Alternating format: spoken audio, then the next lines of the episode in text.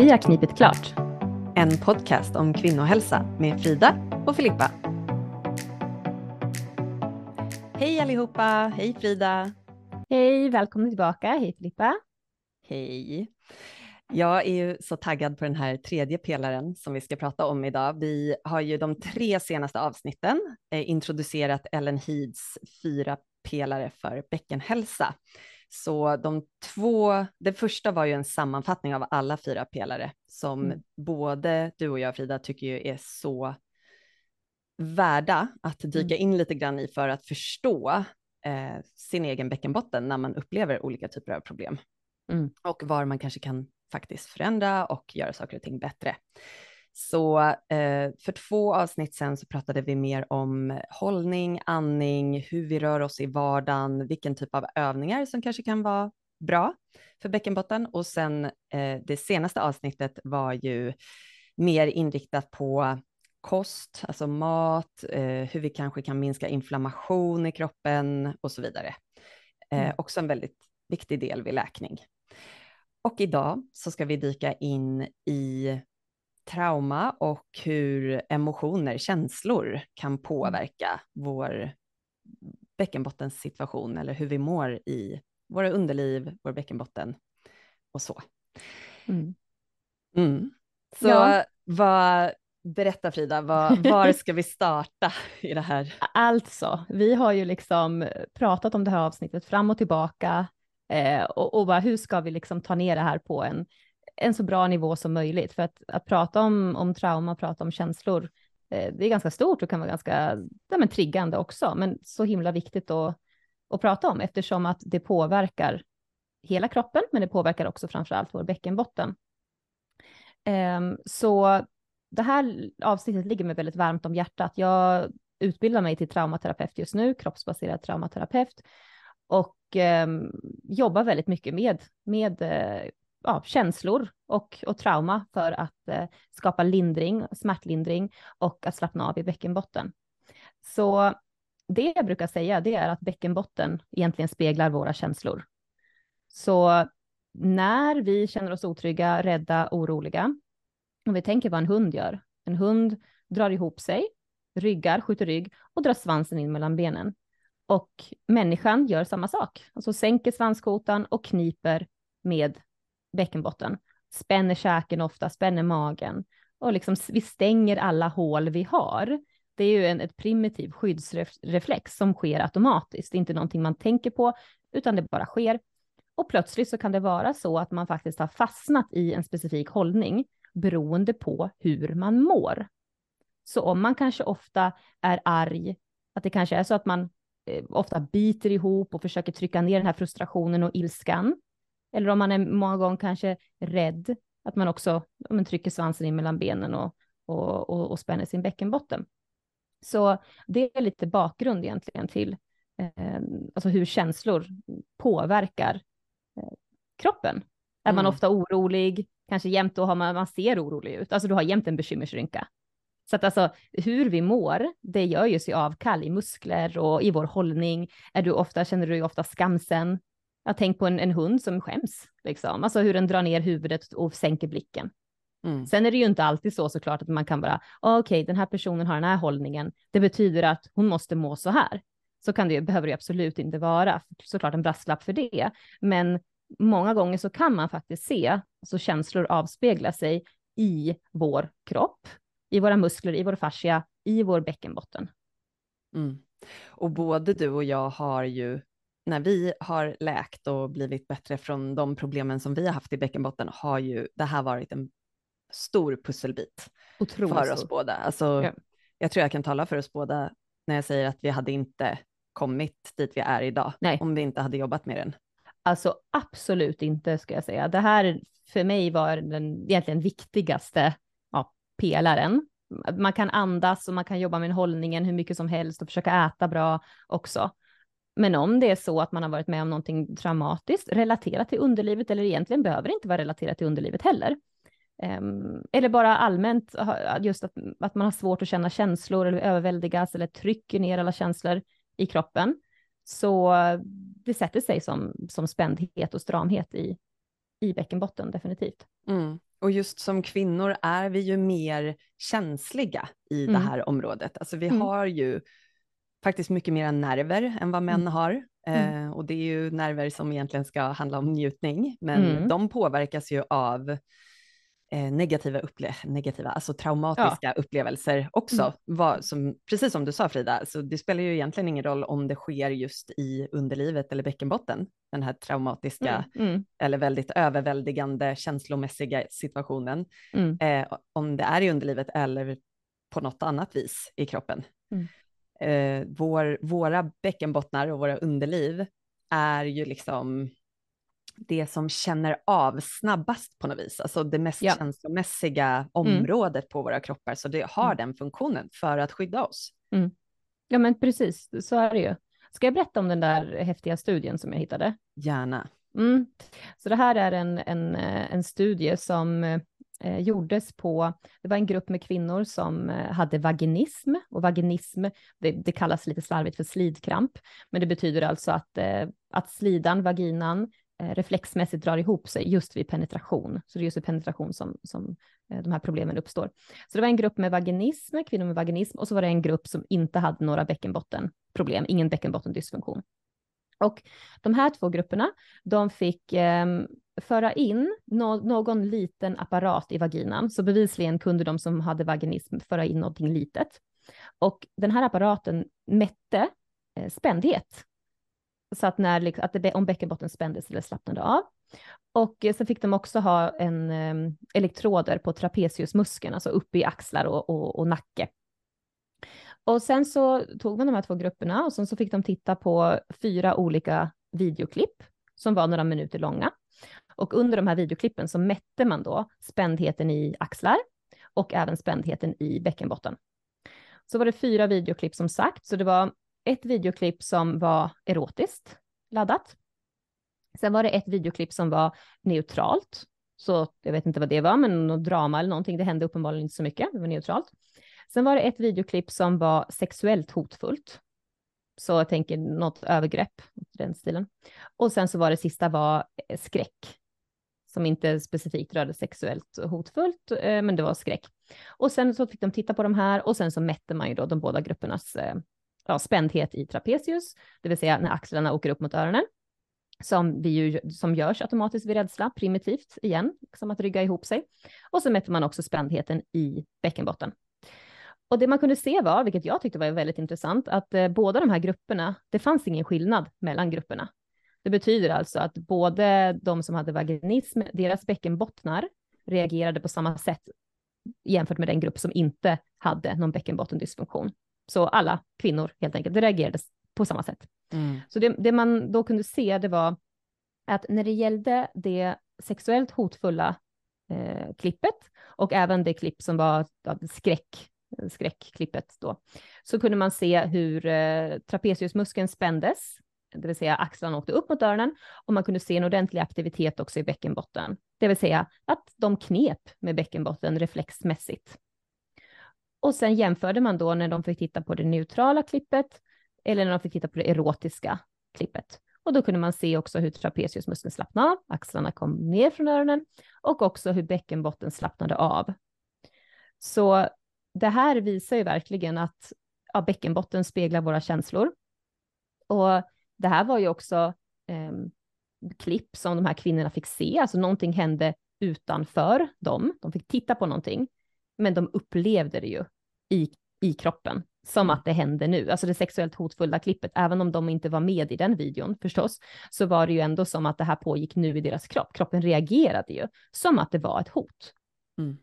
Och det här får mig att tänka på liksom, alltså alla sådana negativa, eh, kanske röster vi har om oss själva i huvudet, eh, när det är mycket oro, ångest, skräck, liksom, inne i kroppen, vad vi, vad vi säger till oss själva, att det också förstås påverkar ju vår, vår kropp och också vår, vår bäckenbotten. Ja, alltså kroppen gör ju inte, eller så här, vårt sinne gör ju inte skillnad på, det är lika sant att mm. titta på en tv, liksom rent fysiologiskt, mm. om man tittar på de fysiologiska ja. processerna som uppstår i kroppen av att vi tittar på den där tvn. Intellektuellt fattar ju såklart kvinnorna att mm. det här är ett klipp, Jag Ja. är inte hotad, alltså ingenting exakt. kommer hända mig, jag bara sitter Nej. här och tittar. Men Mm. så är det ju också, precis som du säger Frida, med våra tankar. Mm. Så det som vi går runt och säger till oss själva, bilder vi har i huvudet eh, Mm. och så vidare, Mm. kommer ju påverka hur vår kropp reagerar på de tankarna. Mm. Och därför är det ju så otroligt viktigt att, Mm. att jobba med hela den här delen. Precis. Ja, det handlar ju liksom inte om att vi inte ska dra ihop svansen mellan benen efter ett trauma. Det handlar Nej. inte om det, för det Nej. kommer vi att göra. Det är Ja. ju en naturlig reaktion. Mm. Men att, att låta det få ske sen varenda sekund, dag Mm. ut och dag in, Mm. det kommer ju påverka det strukturella i kroppen, det emotionella, olika symptom som kan uppstå och så vidare. Och, och, och för att liksom kunna då, jag brukar säga så här, kontra, alltså just du måste ha någonting att kontra med. Alltså om, man har, om man har mycket smärta, om du har mycket trauma till exempel, det går liksom inte bara att hux flux ta bort det, utan att använda oss av någonting annat för att kontra med. Alltså vi behöver ha en annan del av pendeln. Liksom. Och här handlar det ju om att hitta det i så fall, det som får dig att må bra. Det är det vi kommer använda, att, att liksom späda ut egentligen det otrygga, traumatiserande och så vidare. Så att bara det här med att, att, att, att tänka tillbaka, man kan tänka tillbaka, man kan göra det som en övning nu om man vill, att ta en liten stund och, och tänka tillbaka de senaste två, tre dagarna, när du kände dig lite mer så som du skulle vilja känna dig. När du kände dig lite mera som dig själv. Mm. Och det här kan ju vara, börja så här med en droppe i taget, att gå in i eh, motpolen, så att säga, den andra delen av pendeln, som är resurser, som det kallas för, glimmers, det vill säga motsatsen till triggers. Så att, att börja tänka tillbaka på det, och det kan vara vad som helst, det kan vara något ögonblick när du, ja, jag drack en god kaff, kopp kaffe, och liksom, eller jag pratade med en vän, eller jag kom att tänka på det här. Eller jag, liksom, det behöver inte vara något så jätte, det kan vara jättesmå, alltså inom citationstecken, men ändå effektfulla saker. Mm. Så börja se det och sen tänka tillbaka på det här tillfället och lägga märke till vad händer i kroppen just nu när du tänker på det. Som jag tänker på, ja, jag kramade min dotter, dotter i morse. När jag, när jag tänker på det så känner jag i kroppen, jag känner hur min käke slappnar av, Eh, min mage slappnar av. Jag har ju gjort det här arbetet så länge så jag, det går ganska snabbt från att jag tänker en tanke till att jag kan känna vad händer i min kropp. Så även om, om du inte känner någonting nu så är det liksom precis helt, helt okej. Okay. Det här är någonting man kan börja öva på. Eh, hur det kan vara att uppleva att det kan kännas kanske neutralt i kroppen eller ändå kanske till och med skönt i kroppen.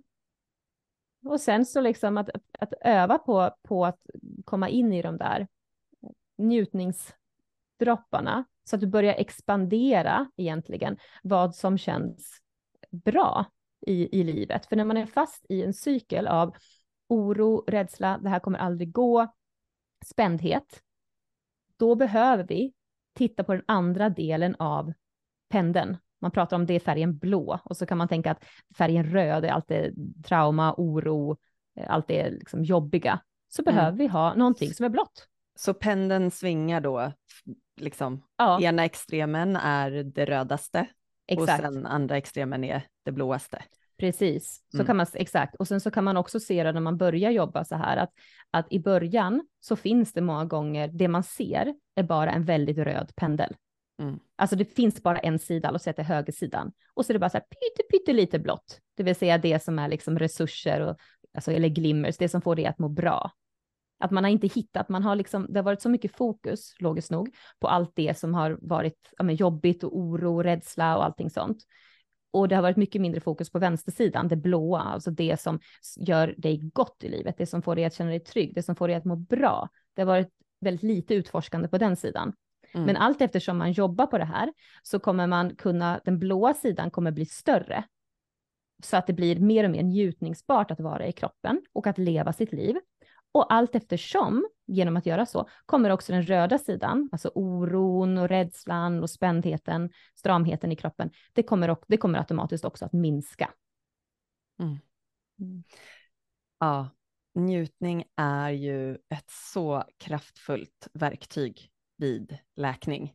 Ja. Och det, blir, det, det är ju lite ironiskt för att vad man än vill läka, säg att man skulle ha någon liksom, autoimmun sjukdom eller mm. bäckenproblematik eller vad det nu är, det är ju så lätt att gå in i den röda sidan.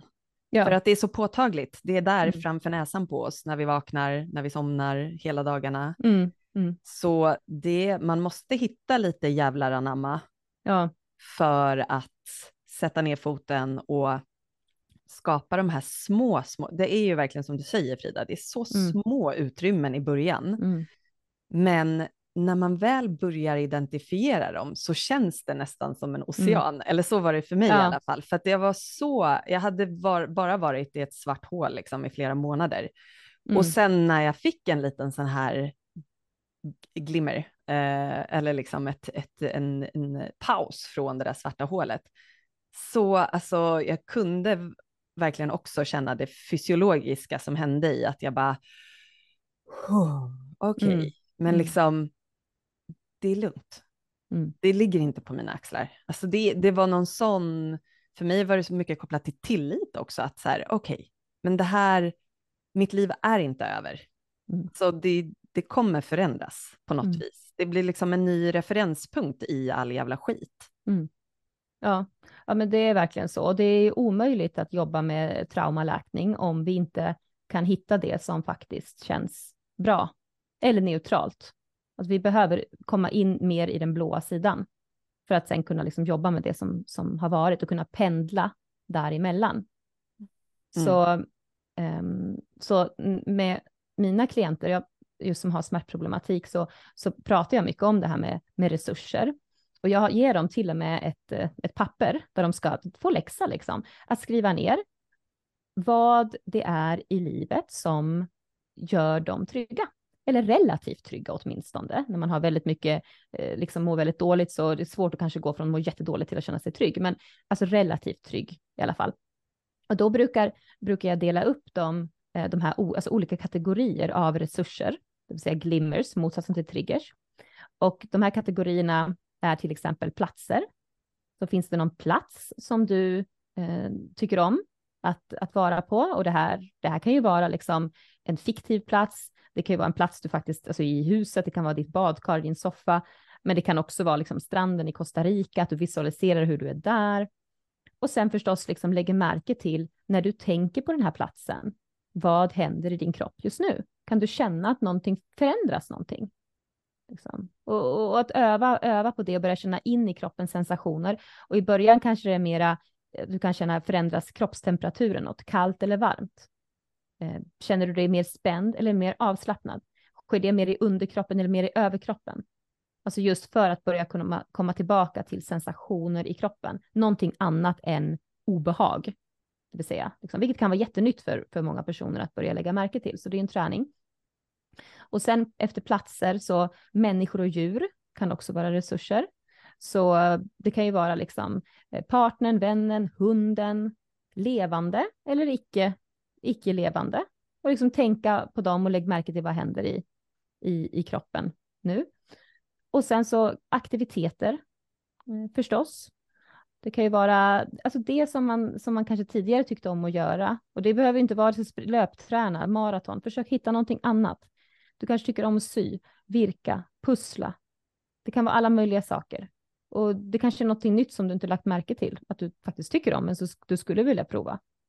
Gå i naturen, ut i skogen, var närvarande när du går. Vad lägger du märke till nu liksom? Och sen så också eh, resurser i kroppen, vilket i början kan vara ganska nytt. Med tanke på, men både du och jag jobbar ju med eh, personer som har bäckenbottenproblem och det har jag känt liksom kroppen är ett stort problem. Så hur ska jag försöka hitta en resurs i min kropp? Men där har ju du och jag både övningar på Instagram och YouTube eh, som man kan titta på och utforska och se bara wow, men när jag gjorde den här övningen så kändes det faktiskt lite lättare att andas. Jättebra. Det är en resurs i så fall, då har du hittat någonting. Finns som man kan titta på det. Och sen det sista då, um, delen av resurser, det är trossystem. Så att just uh, tankar och tro som, som får dig att må bra. Så det är ju lite så här peptalk, vilket kan vara svårt um, liksom för många att få till där, men det kan vara liksom jag läker, jag gör så gott jag kan. Eh, this too shall pass. Eh, jag fixar det här. Eh, så. Så att det där är ju att man kan börja liksom titta lite på vad i ditt liv fungerar bra. För vi behöver expandera det för att då automatiskt kommer det som fungerar mindre bra, det kommer automatiskt också att, eh, att minska. Mm. Mm. Ja, absolut. Och det här är ju någonting som är ganska enkelt att lägga in i vardagen. Alltså mm. checka in med dig själv lite då och då. Kan du upptäcka någon ny resurs? Mm. Kan, du, kan du gå in i någon av de resurser du redan har identifierat och, och notera vad som händer i kroppen? Mm. Alltså, och det yeah. kan ju bara ta någon minut, men mm. i början kan det vara väldigt mycket tid. Sen mm. liksom när vi dels så blir det lättare och det går mm. snabbare med tiden, så vi kanske fortfarande inte behöver mycket tid, men sen kan man ju också faktiskt djupdyka lite mer och eh, jobba liksom lite mer mentalt och kanske till och med mm. med en person som kan mm. hjälpa en i alla de här processerna. Mm. Eh, för det, det, är komplext och det är svårt när man inte kan teknikerna. Mm. Så det är ju också tekniker, tycker jag i alla fall, som jag har gått på olika grejer hos mm. olika personer, testat runt kring mm. allt det här. Och sen får jag med mig verktyg som jag, de har ju jag i vardagen och genom mitt liv nu. Eh, så det är en bra investering att göra för verkligen. ens framtida hälsa också. Ja, det är verkligen. Mm. Och, och, en liten grej bara som en liten brasklapp kanske man kan säga som vi vill lägga till här också är ju bara att, att, vi, att vi aldrig vill när vi försöker må bättre i kroppen, göra någonting till en checklista eller någonting som vi bara intellektuellt tänker att om jag gör det här så blir jag bra, Exakt. så gör man det och sen checkar man av det. Mm. Utan att det handlar väldigt mycket mer om hur vi gör det.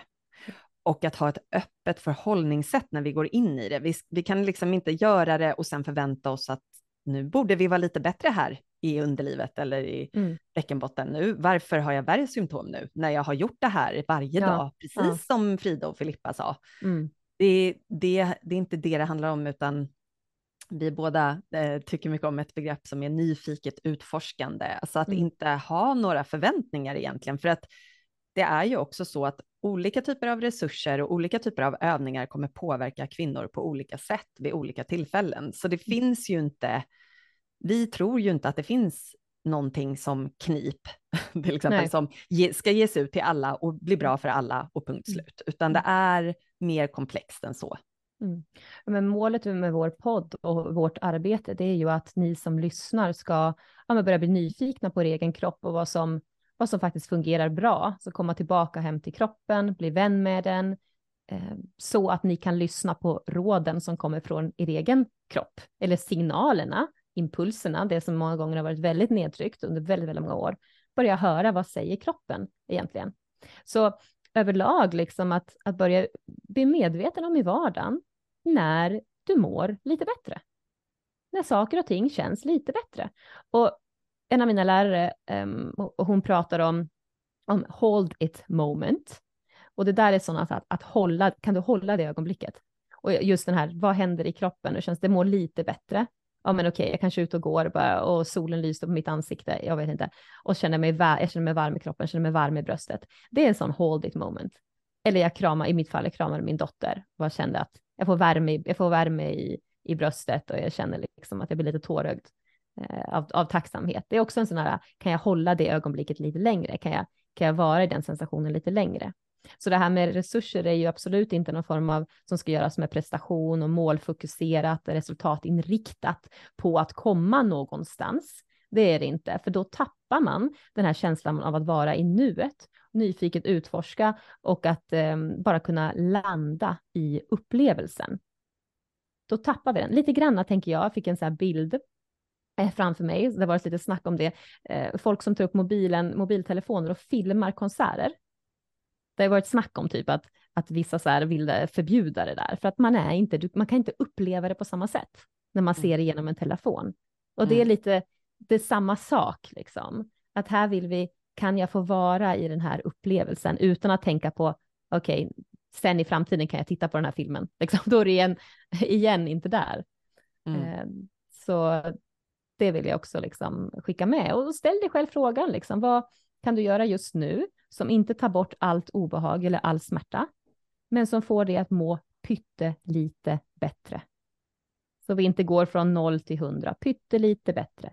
Det kanske är att lyssna på den här signalen, jag behöver kissa. Liksom inte gå och hålla sig. Eller kanske jag öppnar fönstret och får lite luft och bara känner vinden mot ansiktet. Det är små effektfulla saker i vardagen som kommer göra den stora skillnaden. Allt eftersom de här små sakerna blir större och större så kommer det bli mer och mer vinster och automatiskt så kommer du märka att du faktiskt mår bättre. För du har fått in de här njutningsdropparna i, i din vardag och det kommer göra saker, eh, att det, att det förändras på sikt. Mm. Jag älskar den här Hold It. Den, jag lärde mig också den, jag minns inte vad den läraren kallade det för. Men i alla fall, mm. det var en sån här grej som jag, jag låg ju nästan bara i sängen när jag hade värst symptom för att mm. jag vågade inte stå eller gå för att det var så himla, jag kände så mycket då eh, mm. som inte var bra. Eh, och då minns jag, eh, jag var så här, men hur ska jag kunna hitta en sån där? Det känns, bara, det känns ju helt omöjligt. Jag vill mm. inte ligga i sängen, jag vill inte känna mig fast, jag vill inte. Men mm. så vaknade jag en morgon och så fick jag en sån här när man känner att man vill sträcka på sig. Mm. Bebisar får ju ofta det ja. direkt. Liksom. De har ju den där kontakten med kroppen och att ja. väcka upp nervsystemet och fascian och allt det mm. där på ett bra sätt. Så, så sträckte jag på mig och jag bara, det här är så skönt. Och jag bara, mm. nu måste jag fortsätta sträcka på mig. Jag sträcker på mig, sträcker på mig. Och så förlängde jag det där, sen ja. det dalade ju ut. Det är ju inte lika mm. skönt efter en stund. Nej, nej, nej. Men det var sån vinst ändå, att jag mm. bara, jag kunde identifiera den där sköna känslan och jag kunde hålla kvar vid den. Mm. I vanliga fall hade jag ju förmodligen bara liksom kanske sträckt lite på mig och sen kollat bebisen eller ja. liksom gått vidare för att, men nu, mm. det, att, att vara i den, alltså gud vilken skillnad. Mm. Så stor, sån liten grej, till mm. synes för någon annan som hade suttit bredvid mig hade inte märkt någonting om jag bara hade mm. sträckt på mig och gått vidare eller om jag sträckte mig och njut, njöt av det. Uh, men det är verkligen som att liksom, eh, två olika sidor av ett och samma mynt och mm. man vill ju välja den sidan som, som gör att vi faktiskt kan må bättre. Mm. Ja, men precis, den, exakt, den blåa, den blåa sidan. Ja. Eh, ja, e, exakt, exakt. Och det är ju liksom, eh, som vi sa innan också, att egentligen det spelar inte så roll, det spelar inte så, det spelar inte så stor roll vilka rörelser du gör, utan mer hur du utför dem. Och jag tänker både du och jag har ju liksom olika klasser eh, på våra plattformar och så, där man kan prova dem och se om du kan vara närvarande i kroppen när du utför dem och se hur känns det här? Vad lägger du märke till? Mm. Man kommer få helt olika resultat om man, är, om man gör, okej okay, nu ska jag checka av det här yogapasset, Frida säger att det är bra, vi gör lite grann, vi stretchar lite grann eller vad vi nu gör och så reser vi oss upp från mattan, inte närvarande. Eller mera, okej okay, nu ska vi se vad det här är liksom. Jag är nyfiket utforskar jag här och nu, okej okay, jag gör det här, vad händer mm. sen? Precis, försöka lägga märke till detaljer och förnimmelser, så här, bara för att mm. det är smärtsamt någonstans, alltså mm. det ska mm. ju aldrig vara knivskarp smärta, mm. men om det är lite obehagligt eller så, men kanske kan det finnas någonting annat där i mm. närområdet också. Eh, sen vill vi ju aldrig forcera, utan någon, någonting som är väldigt läkande är ju faktiskt att så här, nej, det här var inte för mig idag. Mm. Nu gör jag något annat, eller ja. nu stänger jag av det här, eller nu går jag härifrån. Mm. Och sen kanske man vill testa samma sak en vecka senare, en månad senare eller ett halvår senare. Men integritet och ha respekt för sin kropp för att du är den enda som vet egentligen. Ja. Vi kan ge hur många tips och rekommendationer som helst, men mm. till syvende och sist är det du och din kropp. Ja, men exakt så är det. 20 procent av max tycker jag är en ganska bra inriktning när det kommer mm. till att göra rörelser när vi pratar om det. Mm. Men det är liksom också samma, det går hand i hand med den här frågan, liksom vad, vad eh, kan jag förändra nu som, som gör att jag mår pyttelite bättre, men som inte tar bort hela smärtan. Mm. Det är alltså en droppe i taget som är jätteviktigt att, eh, att ha. Ja, inga quick fix här. Nej, nej, nej. Men det här är ju liksom förändringar för livet. Jag menar, ja. det jag lärde mig om trauma och eh, liksom nervsystemsreglering, kroppsbaserad terapi, allt det där. Det hade jag ju inte lärt mig om det inte vore på grund av att jag fick en förlossningsskada och jättemycket smärta efteråt. Mm. Och jag känner mig faktiskt, alltså jag känner mig så himla tacksam faktiskt att jag har hittat till de här metoderna som jag nu vidareutbildar mig inom Alltså det som läkte mig är det nu som jag kan liksom ge vidare till andra. Mm. Det är sån, alltså jag har sån vördnad för, Mm. för det. Ja, nu, blev det nu blev det djupt. Men Nej, alltså men jag, jag känner fint. verkligen liksom, eh, det känns så himla fint. Mm. Ja, känner igen mig. Mm. Mm. Mm. Ja, tack för det här, Tack. för den här stunden tillsammans. Tack till dig Filippa. Och tack till alla som, eh, tack till alla som lyssnade. Ja, tack. Vi eh, ses nästa avsnitt. Gör vi. Hej då! Hej då. Tack för att du lyssnar. Om den här podden betyder något för dig skulle det betyda mycket för oss om du kan ta 30 sekunder av din tid att göra följande. Först kan du följa eller prenumerera på Vi har knipit klart. Att följa podden hjälper dig eftersom du aldrig kommer att missa ett avsnitt. Och det hjälper oss eftersom du aldrig kommer missa ett avsnitt.